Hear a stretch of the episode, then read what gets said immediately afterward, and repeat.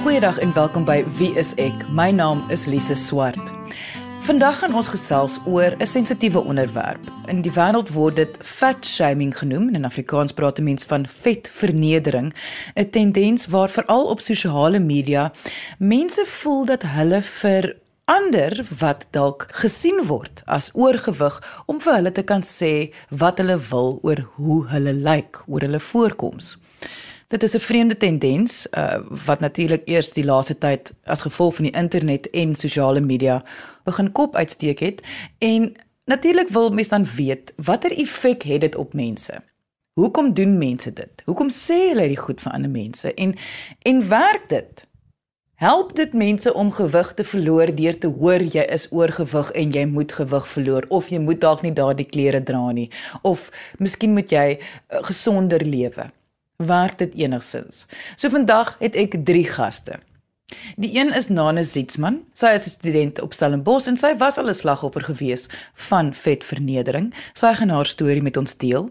Dan gaan sielkundige Christine Nel met ons gesels oor hierdie tendens wat dit van ons sê as 'n samelewing en ons gaan nog gesels oor eetversteurings, eetgewoontes, gewig, aanvaarde gewig ensovoorts wat my dan bring ook by ons derde gas. Dit is Karin Meyer. Sy is 'n dieetkundige wat meer met ons gaan gesels oor wat is is oorgewig, wat is 'n gesonde lyf en al die implikasies wat daarmee saamgaan. So kom ons skop vandag se episode af deur te luister heel eerste na ons gas Nane Zietsman en haar storie. Ek is Nane Zietsman, ek is 25 jaar oud en um, ek het BA taal en kultuur geswat en ek staan besig met my graad in bekom bemarking. So ek is gewoonlik een van daai baie passiewe mense op sosiale media. Ek's eintlik maar net daar om te kyk wat in ander mense se lewens aangaan. En ehm um, die dag het een van my vriendinne 'n uh, post gemaak vir inskrywing gemaak oor 'n produksie waarna ons saam speel en die produksie handel oor groter mense in die samelewing oor oor mense wat bietjie oorgewig is en basies maar jou dag tot dag uitdagings.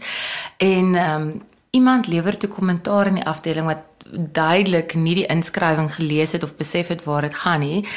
En um, hy sê toe maar jong sê vir my asseblief julle is nie julle is nie van daai vet mense wat dink dit is okay om vet te wees nie.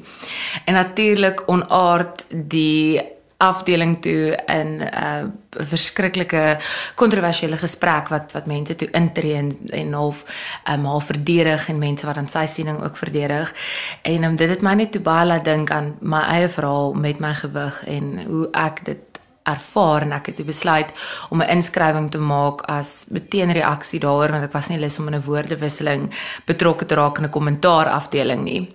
Ek maak toe maar net basiese uh, inskrywing oor, jy weet dit oor die uitdagings basis van oorgewig wees. En hoe baie mense gou kommentaar lewer op hoe jy lyk like, maar hulle besef nie werklik wat jy deurgaan nie en en die striwelinge wat jy het met jouself en noodwendig met jou gewig nie. Uh die inskrywing het eintlik gegaan oor wat ek noem die papie fase. So dit is iemand wat aktief werk aan hulle gewig, maar soos ons almal weet is dit nie net iets wat jy oornag verloor nie.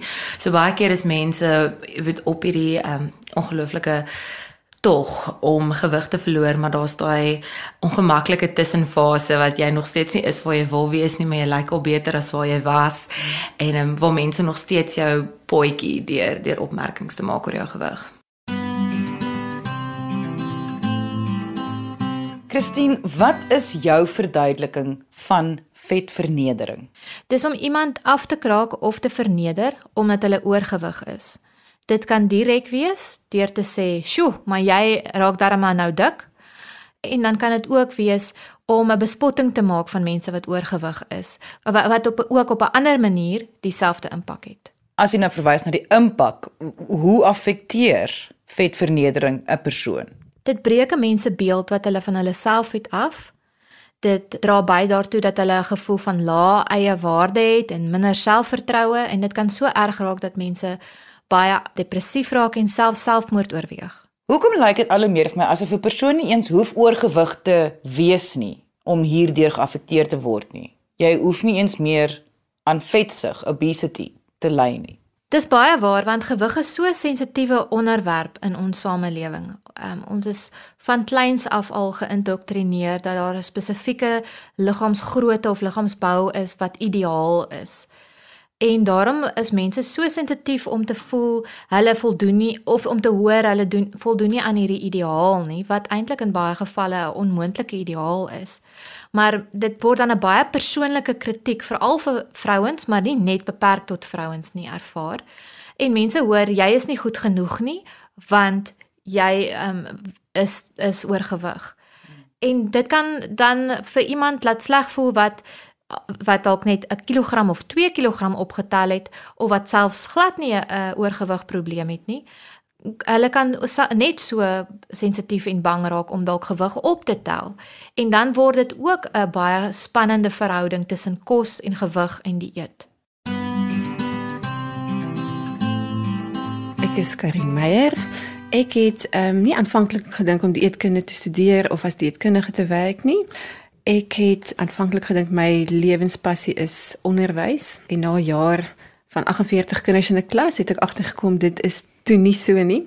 So ek het toe weer gaan studeer as dieetkundige en ek was bevoorreg om kort nadat ek gekwalifiseer het te werk saam met iemand wat werk op 'n heel ander manier as wat ek van tevore aan blootgestel is nie in terme van dieete en porsies en 1 2 3 prosesse nie, maar iemand wat werk in die veld van eetsteurnisse en ook uh, ek weet nie wat die Afrikaans is nie, maar ons noem dit in, in in Engels disordered eating. So dis nie noodwendig die extreme van anoreksia of bulimia of so nie, maar 'n uh, eh, onge, ongemaklike verhouding met kos sou ek sê.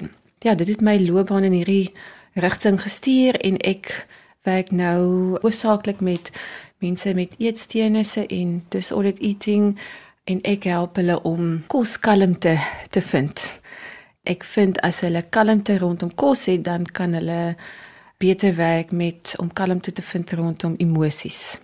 En as mens rustig is rondom emosies en rustig is rondom kos, kan mens goeie volhoubare besluite neem wat goed is vir jou en vir jou lyf. Jy luister na Wie is ek op RCG 100 tot 104 FM. So ek ek sê altyd ek kon al by geboorte vir 'n junior karate uh league ingeskryf het. So ek ek ken nie 'n ander lewe as om 'n oorgewig kind en oorgewig persoon te wees nie. So my gewig was nog altyd iets waarmee ek daagliks uitgedaag was. En uh, dit is my ek was baie natuurlik geboelie op skool en ek het agtergekom ek het altyd swaar vir die onderliggende ding waar ek streef na die volgende fase in my lewe. So in die laerskool het ek myself deur die moeilike tye gedra deur vir myself te sê maar dit dit sal nie aangaan op hoërskool nie. Daar's die mense meer volwasse. In hoërskool ek soos half gelewe of geprojekteer na universiteit toe en um, dis my verstommend dat jy op elke fase tog daai mense nog kry wat voel hulle het die reg om 'n opmerking te maak oor jou voorkoms. So uh ek sê altyd my droom sal wees om een oggend op te staan en net totaal en al nie bewus te wees van hoe ek lyk like en hoe ek nie voldoen aan die norme van die samelewing nie. My vermoede geskoei op my ervaring en my sterk vermoede is dat mense se siening rondom gesond wees is nie te maar, nie te vet, gedefinieer en miskien om 'n mooi vel te hê. En die antwoorde kry ek uit ehm um, praatjies wat ek doen met studente, met ouer mense En oor die algemeen sou ek sê dit is die gemiddeld as ek moet opsom is dit die gemiddelde siening van wat dit is om gesond te wees. My siening oor wat dit is om gesond te wees dink ek is dis individueel. Dit is nie 'n 'n plek wat jy waar jy arriveer nie. Dis nie nou ewe skielik is, is ek gesond en ehm um, nou is ek nie meer gesond nie. Dit is 'n dit klink net soos 'n klise, maar ek kan weet nie hoe om dit anders te beskryf nie. Dis 'n dit is 'n journey en elke seisoen beteken uh, gesond wees anders. So iemand wat 80 jaar oud is, se definisie van gesond wees gaan wees dat sy dalk nog kan sien en kan lees en iemand wat 20 jaar oud is, se siening van gesond wees kan wees dat hulle kan bungee jump en kan dalk laat nagte partytjie hou en in die oggend opstaan en heeltemal oukei okay wees daarmee. Maar ongelukkig in die in die kultuur waarin ons bly, dink ek uh, is gesond wees baie gekoppel aan 'n beeld, daardie toonbeeld van gesondheid. En in my opinie is dit 'n mite, dis 'n storie wat die kultuur vir ons help skryf en ons glo daai storie. So dit is daai Instagram storie, die Facebook storie, die voor en na foto. Voordat het ek so gelyk, nou lyk ek so en nou is my hele lewe beter en ek dink dit is 'n leuen. Daar is definitief waarheid daarin vir sekere mense en dit gee vir mense 'n valse gevoel van gesondheid. Maar in my opinie en in my ervaring sien ek dat dit nie volhoubaar is nie, dis nie die waarheid nie. 'n Ander baie algemene sosiale verskynsel is dat vrouens, veral vrouens, mekaar komplementeer as hulle gewig verloor het. En dit is eintlik ook net so ongesond, want dan word gewig word 'n word 'n belangrike iets. Dit word iets wat wat jy iemand aanmeet. En dan wanneer jy dan nou nie daai kompliment kry van jy het gewig verloor nie, dan laat dit dalk 'n leemte of of of dalk vra van dink hulle ek het ek het vet geword. Sal hulle nog van my hou as ek um, 'n kilogram of 2 opgetel het? Of dink hulle dalk ek is baie oorgewig en dit veroorsaak baie onsekerheid want ons plaas die klem op die verkeerde plek. Gewig behoort nie 'n fokusarea te wees in ons gesprekke nie, want dit is nie wat iemand waardevol maak of nie. Werk vetvernedering. Is mense besig om gewig te verloor as gevolg van vetvernedering? Glad nie. Dit het meeste van die tyd ek ek sal amper sê 99,99% van die tyd het dit die teenoorgestelde effek want dit maak iemand angstig rondom kos en as iemand angstig rond is rondom kos en nie gemaklik daarmee nie en nie gemaklik met hulle liggaam nie, dan lei dit tot probleme. So om aanmerkings hieroor te maak, versterk eintlik maar net die probleem. Christine, wat is jou opinie? Hoekom sê mense hierdie vreeslike goed verander? Kry hulle lekker? Dink hulle die persoon weet nie hulle is oorgewig nie? Is is dink hulle hulle doen die persoon 'n guns? Daar's verskillende fasette van hierdie verskynsel en 'n deel daarvan is dat meeste mense van tyd tot tyd sukkel met 'n gevoel van nie goed genoeg wees nie, vanweë verskillende elemente.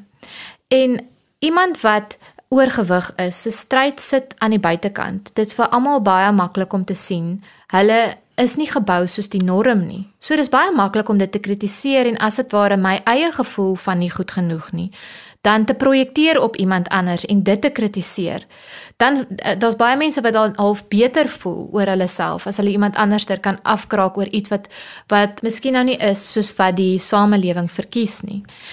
Dan is daar ook 'n gebrek aan empatie want iemand wat nie oorgewig is nie weet nie waardeur gaan iemand wat oorgewig is nie. Hulle weet nie al die uitdagings nie en hulle het nie ehm um, het baie keer geen sagtheid of compassion of empatie daarteenoor nie en daardie opmerkings is maar 'n uitdrukking daarvan. En dan dink ek ook as ons in 'n samelewing wat baie veroordelend is. Daar daar word gepraat oor ons moet tolerant wees of verdraagsaam wees oor mense wat nie mainstream is nie en al die regte woorde word gepraat, maar tog is daar baie baie min begrip en aanvaarding vir mense wat anders lyk. So ek dink ons hele samelewing moet 'n bietjie introspeksie doen oor waar hierdie veroordelende houding vandaan kom. Want niemand is perfek nie. Almal het tog iets waarmee hulle stry. Hoekom moet ons dan nou so fikseer op iemand wat oorgewig is? Ek sê altyd om vet te wees is 'n administratiewe nagmerrie. Ek dink die mense besef altyd ehm um, die eerste ding wat mense doen as jy in 'n lokaal instap is jy begin outomaties so Terminator die vertrek scan en kyk, okay, ek kan daai stoel behoort my gewig te hou. Ek sal deur daai spasie kan pas as ek vinnig die vertrek moet verlaat. Ehm um, die temperatuur natuurlik in 'n vertrek is ook altyd iets waarvan mense baie bewus is. Maar kom agter uh, baie mense met wie jy gespreek het, dis is ongelooflik uh, as mens met iemand anders praat wat ook Eh, sukkel met hulle gewig um, en dit dis dikwels persone van 'n normale gesonde gewig. Ons almal het tog iets aan ons lyf waarmee ons nie 100% gemaklik is nie. Um, en hoe mense net oopmaak en hoe mense dikwels besef my is nie regtig alleen in hierdie stryd nie. Ons ervaar dieselfde. Ons het ook maar bobene wat skuur en um, sulke ongemaklike dinge. So um, ja, dit dit was my nou die afgelope tyd nog ons hartblywend om te sien hoeveel mense positief reageer het op die inskrywing en hoe dit eintlik gesprekke ontlok het wat normaalweg redelik taboe is in die samelewing. Jy weet ons praat nooit oor vet wees nie en daar's altyd hierdie opmerkings as jy byvoorbeeld sê ek's vet dan sal iemand vir jou sê ag maar jy het so mooi gesig en dan sê ek ek het nooit gesê ek's lelik nie ek het ek het gesê ek's vet. Ehm um, daar's 'n groot verskil tussen daai twee.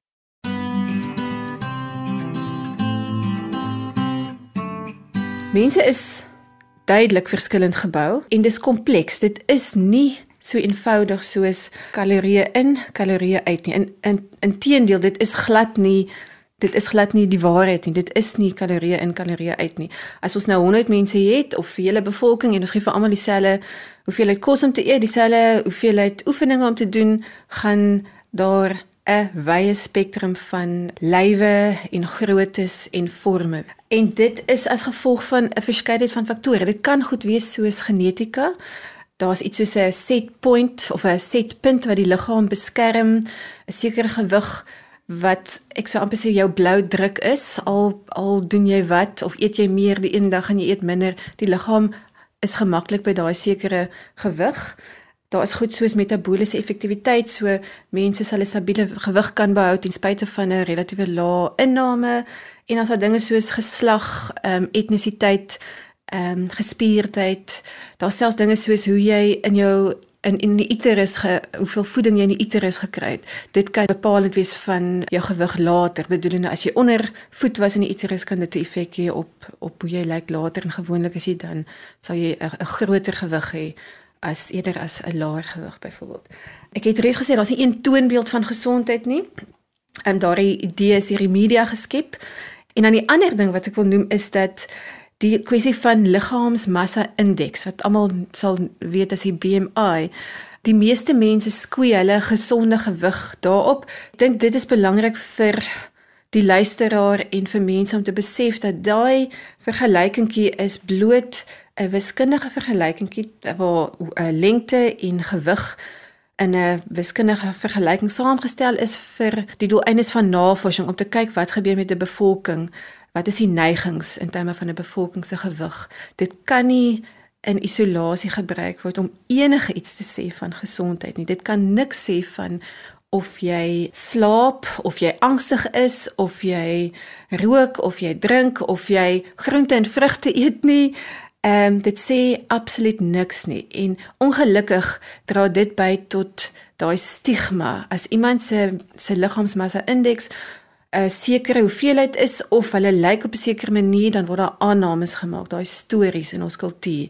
Met ander woorde die aanname is alsou dit nie erken nie want dit is nie die regte ding om te sê nie maar die aanname is sekerlik onderliggend daar dat maar mense is gesond, vetter en ek sê dit in aanhalingstekens, vetter mense is ongesond, maar mense eet waarskynlik groente en vrugte en lewe 'n gesonde leefstyl en groter mense ehm um, doen dit nie. Jy luister na Wie is ek op RCG 100 tot 104 FM. Vetvernedering is 'n vorm van boelie gedrag. En ongelukkig as mense dit in die huis teenoor hulle kinders so praat of daar nou oorgewig mense teenwoordig is of nie, gaan die kinders ook dit by die skool um uitpraat en hulle gaan kinders spot wat oorgewig is.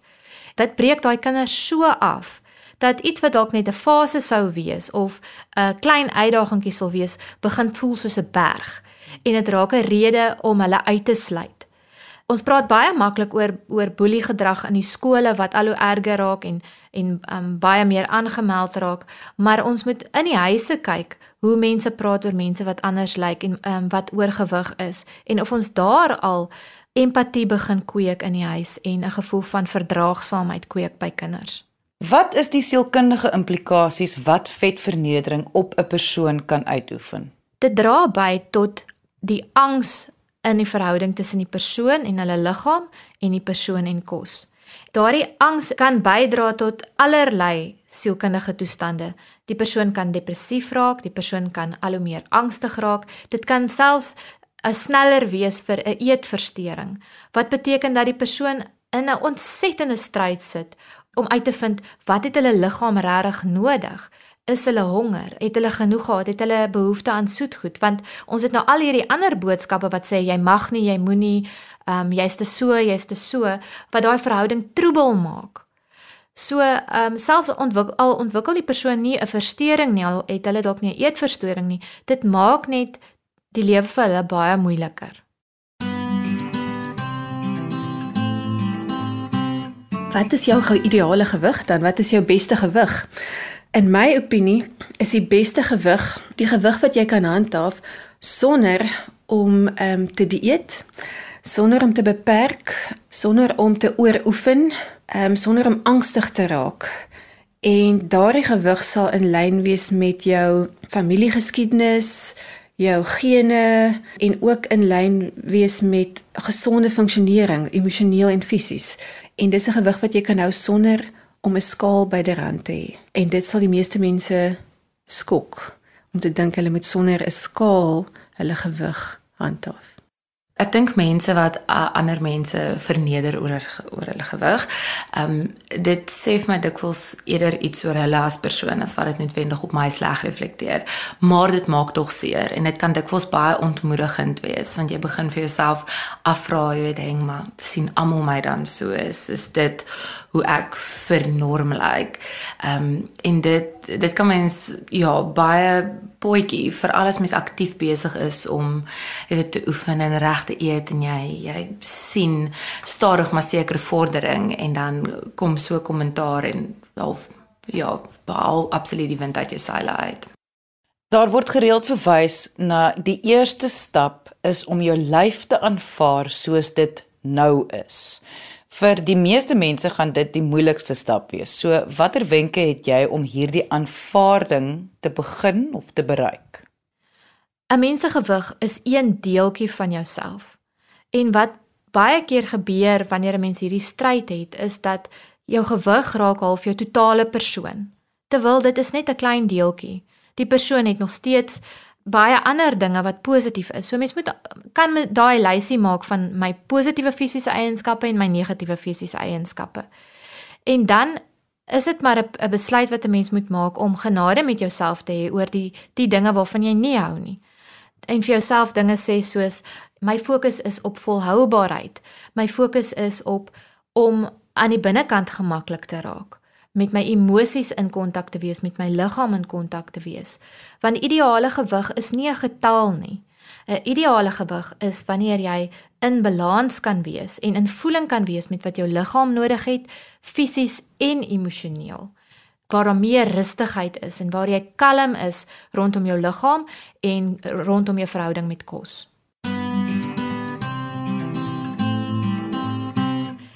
Vetvernedering is 'n nuwe naam vir 'n ou verskynsel. Dis al dis al lank met ons en ongelukkig lyk dit nie asof dit vinnig gaan weggaan nie. En as 'n mens vind dat dit jou erg affekteer, is dit belangrik om uit te vind hoekom dit jou affekteer.